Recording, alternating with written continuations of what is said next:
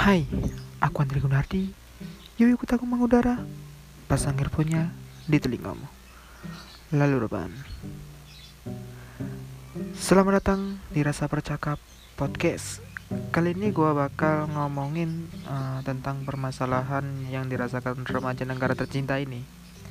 Tahu nggak apa yang bakal kita omongin? Ya pasti tahu dong. Kan udah lihat cover judul podcastnya. Yap, kali ini kita bakal ngomongin tentang move on. Uh, move on sendiri, btw kata yang populer banget di kalangan remaja Indonesia. Gua sendiri dengar kata move on waktu gua duduk di bangku SMP kalau nggak salah kelas 8 uh, dan baru tahu artinya itu waktu naik kelas 9 gua baru tahu move on itu apa jadi uh, di Indonesia tercinta ini istilah move on itu sangat identik banget dengan seseorang dan mantannya. Dan biasanya istilah ini digunakan saat seseorang sedang patah hati, diputuskan oleh pacarnya, ditolak oleh gebetan dan kondisi sejenisnya lah. Uh, namun juga kata-kata move on itu juga sering digunakan pada kondisi-kondisi tertentu seperti ketika kita tidak mendapatkan sesuatu yang diharapkan banyak banget orang yang cerita itu curhat dan berkeluh kesah ke gua yang mengaku gagal move on dengan terus-menerus teringat mantan dan semua kenangan semasa menjalin hubungan. Uh, sebenarnya salah satu penyebab gagalnya move on itu bisa jadi adalah karena kita salah mengartikan konsep move on itu sendiri. Uh, bagaimanapun perlakuan mantan harusnya sih nggak memberikan pengaruh apa pun pada keberhasilan move onmu karena lu punya kuasa penuh dong untuk menentukan terus berbaikan dengan masa lalu atau mau terus teringat si dia yang pernah menjalin kasih bersama. Ingat sekali lagi, move on itu bukan melupakan. Karena kita nggak bakal bisa melupakan sesuatu ketika kita berusaha. Yang ada malah semakin ingat kan. Ya udah, terbiasa aja dulu. Saat putus atau ditinggal kekasih, sebenarnya masalah utamanya itu bukan lah pada susah move onnya sih. Tapi proses perpindahan yang tadinya berdua jadi sendiri yang tadinya ngelakuin semuanya berdua jadi sendiri tetap semangat sih. Waktu yang akan membiasakan. Dan uh, jangan buru-buru perihal mencari. Hati bukan ajang perlombaan tentang siapa yang lebih cepat mendapat pasangan. Sembuhkan sujud sembuhkan saja dulu lukamu ingat seperti halnya yang lain. Kau juga pantas untuk ditemukan uh, benahi lagi agar nggak gagal dalam menjalani menjalani proses move on lo ini lo gua kasih 5 konsep move on yang gua kutip di IDN Times. Yang pertama ini uh, move on tuh bukanlah sebuah proses melupakan tapi berbaikan dengan masa lalu. Uh, jadi gini jadi gini maksudnya itu banyak banyak yang menganggap bahwa move on itu sama dengan melupakan yang sebenarnya bikin proses berpindah atau move on lu itu gagal karena konsep utama move on itu bukan melupakan sob. Melainkan berbaikan dengan semua kenangan dan ingatan yang terjadi. Semua hal yang pernah dijalani bersama sang mantan baik manis ataupun pahit harus mampu lu rangkul dan yakini masa lalu adalah pembelajaran dan gak lagi memanggilkan rasa sakit setiap kali lu mengingat mengingatnya itu. Yang kedua move on nggak harus selalu berakhir dengan menemukan pengganti yang baru. Maksudnya gini jadi gini. Maksud gua itu berapa orang itu kayak menganggap bahwa move on itu cuman hanya bisa dilakukan jika sudah menemukan pengganti yang tepat gitu loh. Jika pemikiran lu soal move on sesempit ini bagaimana lu bisa segera menemukan tamatan hati gitu loh. Apa jangan-jangan lu malah hanya akan membuat gebetan lu yang baru itu sebagai pelarian Perbagi lagi pikiran lu tentang move on itu. Yang ketiga, move on itu juga nggak tergantung dari bagaimana sikap sang mantan kepada lo. Maksudnya gini, move on itu datangnya dari diri lu sendiri dan hanya akan berhasil jika lu berniat dan memulai sesuatu usaha untuk melakukan bagaimanapun sikap mantan meskipun meskipun ya meskipun dia masih memberikan perhatian kecil atau masih menjadikan lu sebagai tempat curhat.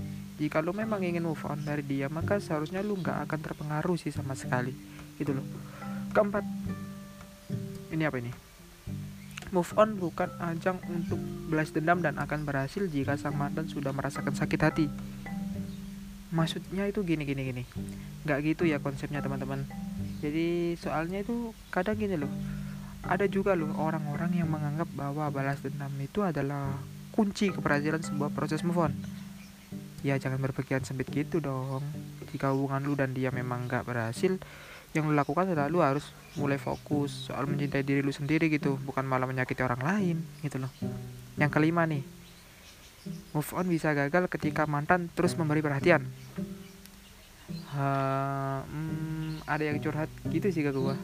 Gua gak bisa sebutin namanya curhat ke gua di official line kalau dia itu gak bisa move on karena sering masih chattingan sama mantan, bahkan sampai diajak keluar dan nonton bareng. Ya sebenarnya gini loh, para teman-temanku yang baik hati dan tidak sombong. Move on itu berasal dari niat dulu, pertama, baru tekad dari dalam diri lu sendiri bagaimanapun perlakuan mantan harusnya sih nggak memberikan pengaruh apa pun dong pada keberhasilan move on lu karena lu punya kuasa penuh untuk menentukan terus berbaikan dengan masa lalu atau mau terus teringat sama dia yang pernah menjalin kasih bersama. Dan gua kasih tips move on gitu. Cuman gambaran umumnya dong. Umumnya doang kok. Yuk kita bahas satu-satu. Ini udah gua tulis.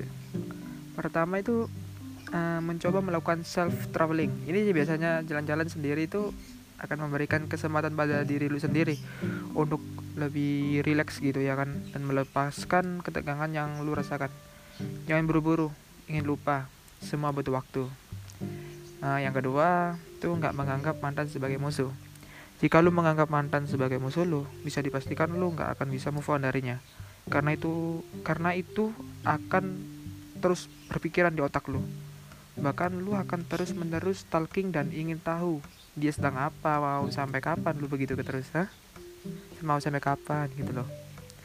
Yang ketiga, nggak menganggap siapa yang lebih dulu memiliki pacar seperti sebuah kompetisi. Maksudnya gini, lu tidak sedang berada dalam lomba yang harus lebih dulu punya pacar atau kamu akan kalah. Nggak gitu. Bukan begitu kok. Jangan menyakiti orang lain. Sembuhkan dulu itu sakit hatimu, baru membuka hati bagi orang lain. Jangan egois. Ingat, jangan egois. 4. Fokus untuk bahagia. Pasti dong.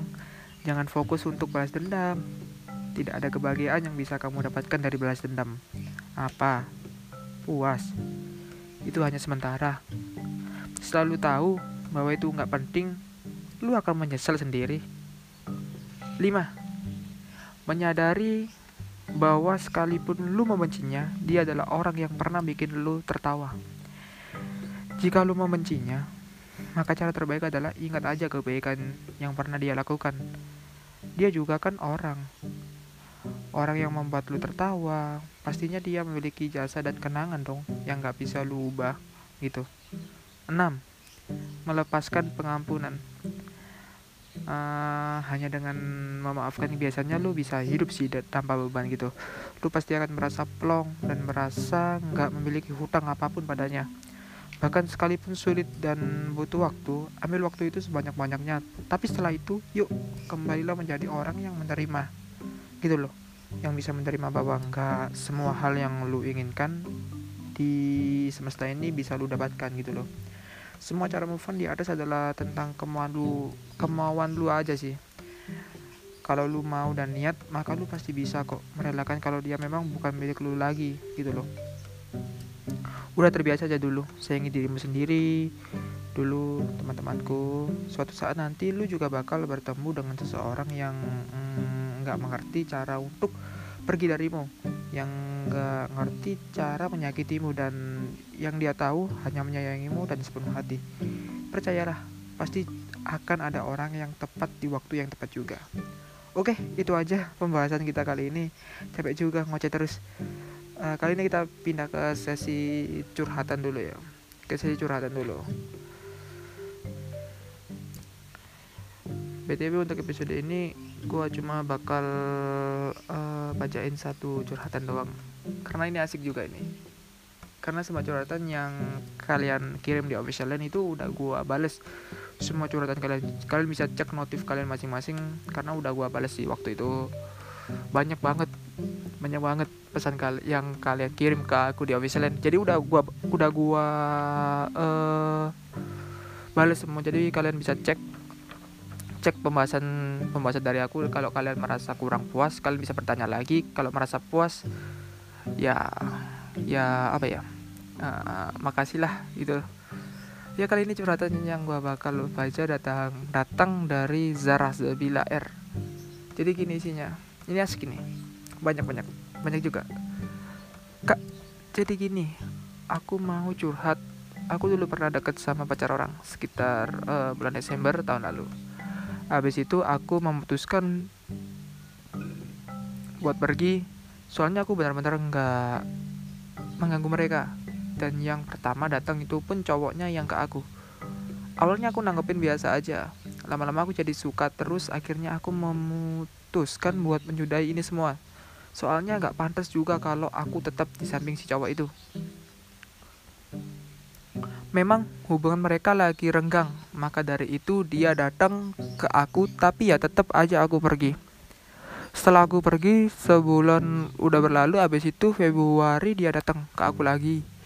Dia udah putus sama pacarnya, tapi dia punya gebetan, gitu. Dan aku posisinya selalu menjadi orang ketiga si cowok ini ngakunya lebih sayang sama aku. Tapi gara-gara kecemburuanku, terus aku emosi dan aku habis itu nyuruh cowok ini pergi dari hidupku. Dan akhirnya benar-benar pergi kak. Dan aku sekarang terkurung sama penyesalan aku. Aku sayang sama dia tapi ya mau gimana lagi? Dia udah ngejauh dari aku. Dan ini udah kedua bulan aku tanpa dia. Rasanya masih sama. Mau ngilangin rasa ini susah banget mau move on susah banget kak. Menurut kakak aku harus gimana ya kak? Hai uh, Kak Zahra Sabila.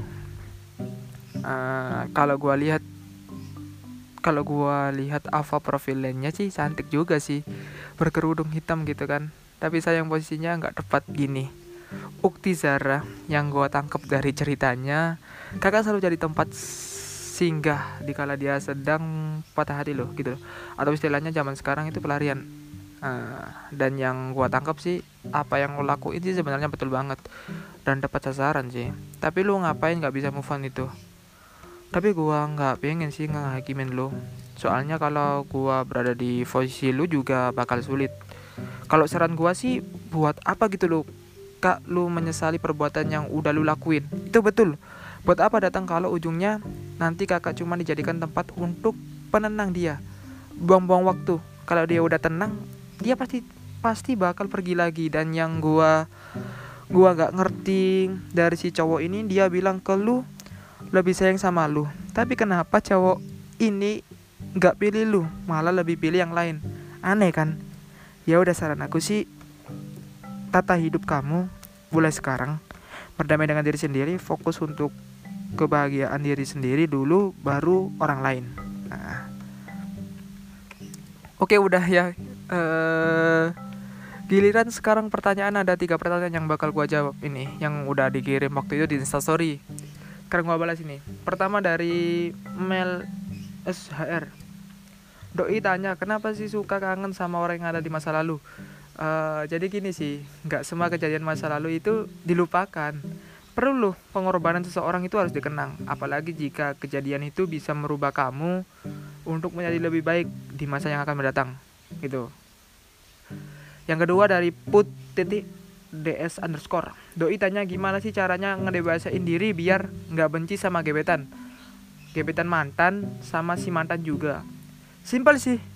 Cukup berterima kasihlah kepadanya karena uh, telah memberikan banyak pelajaran sih tentang hidup gitu loh. Salah satunya tentang mendewasakan diri dengan cara mengikhlaskan sesuatu yang bukan milik lu lagi dan menerimanya dengan lapang dada tanpa harus menghakimi dan membenci siapa pun sumbernya gitu. Ketiga yang terakhir ini dari Bayu Sud. Doi tanya biar gak galau harus apa sih? Ya ya cukup ciptakan kebahagiaan yang menurut lu bisa membuat hati lu nyaman gitu. Lu juga harus percaya dong galau tercipta karena pernah mengalami suatu kegagalan bukan ingat nggak ada kata bahagia tercipta tanpa pernah mengalami suatu kegagalan. Pada dasarnya setiap hati pernah mengalami patah. tak akan mungkin lu bisa lu pungkirin fase tersebut. Tersebut itu bakal lu bisa lupain gitu lu sob ya coba berbahagialah diri sendiri bahagia bahagiakan diri lu sendiri sob. Sebab lu juga pantas untuk bahagia gitu loh. Ya oke pertanyaan ketiga ini adalah penutup dari podcast episode kedua kita. Uh, oke okay, gimana hatinya? Aman? Ya udah kalau masih baik-baik aja bersyukurlah karena masih dalam masa pandemi ini. Gua gua gak berhenti untuk ngingetin untuk di rumah aja gitulah. Lu rebahan itu udah bisa bantu negara memutus penyebaran virus mematikan ini. Jangan egois ya tetap stay safe di mana pun kalian berada gitu loh.